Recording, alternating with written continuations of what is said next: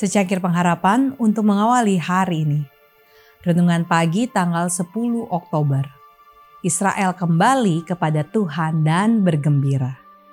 Nehemia 8 ayat 12 dan 13 berfirman, Juga orang-orang Lewi menyuruh semua orang itu supaya diam dengan kata-kata, Tenanglah, hari ini adalah kudus, jangan kamu bersusah hati maka pergilah semua orang itu untuk makan dan minum, untuk membagi-bagi makanan dan berpesta ria. Karena mereka mengerti segala firman yang diberitahukan kepada mereka. Ketika itu adalah hari raya Pondok Daun, banyak orang berkumpul di Yerusalem.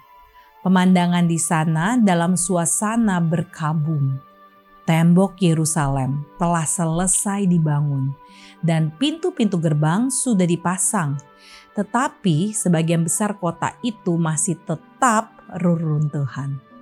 Di atas sebuah mimbar kayu yang didirikan di atas salah satu jalan raya dan di setiap sudut dikelilingi dengan peninggalan-peninggalan menyedihkan dari kemuliaan Yehuda yang telah lenyap. Berdirilah Esra yang kini telah menjadi seorang yang tua.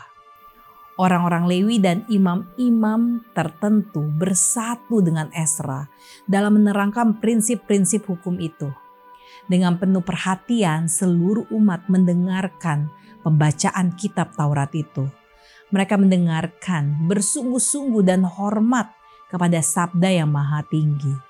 Ketika itu hukum diterangkan, mereka diyakinkan akan kesalahan mereka dan mereka bersedih oleh sebab pendurhakaan mereka.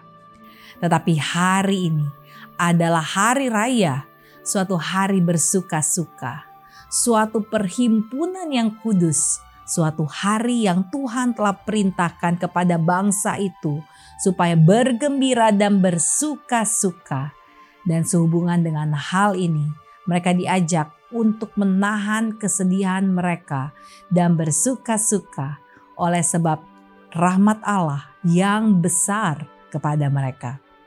Bagian pertama hari itu dibaktikan untuk upacara agama dan orang-orang menggunakan waktu yang sisa sambil mengucap syukur dan menghitung-hitung berkat-berkat Allah dan dalam menikmati kelimpahan yang telah disediakannya.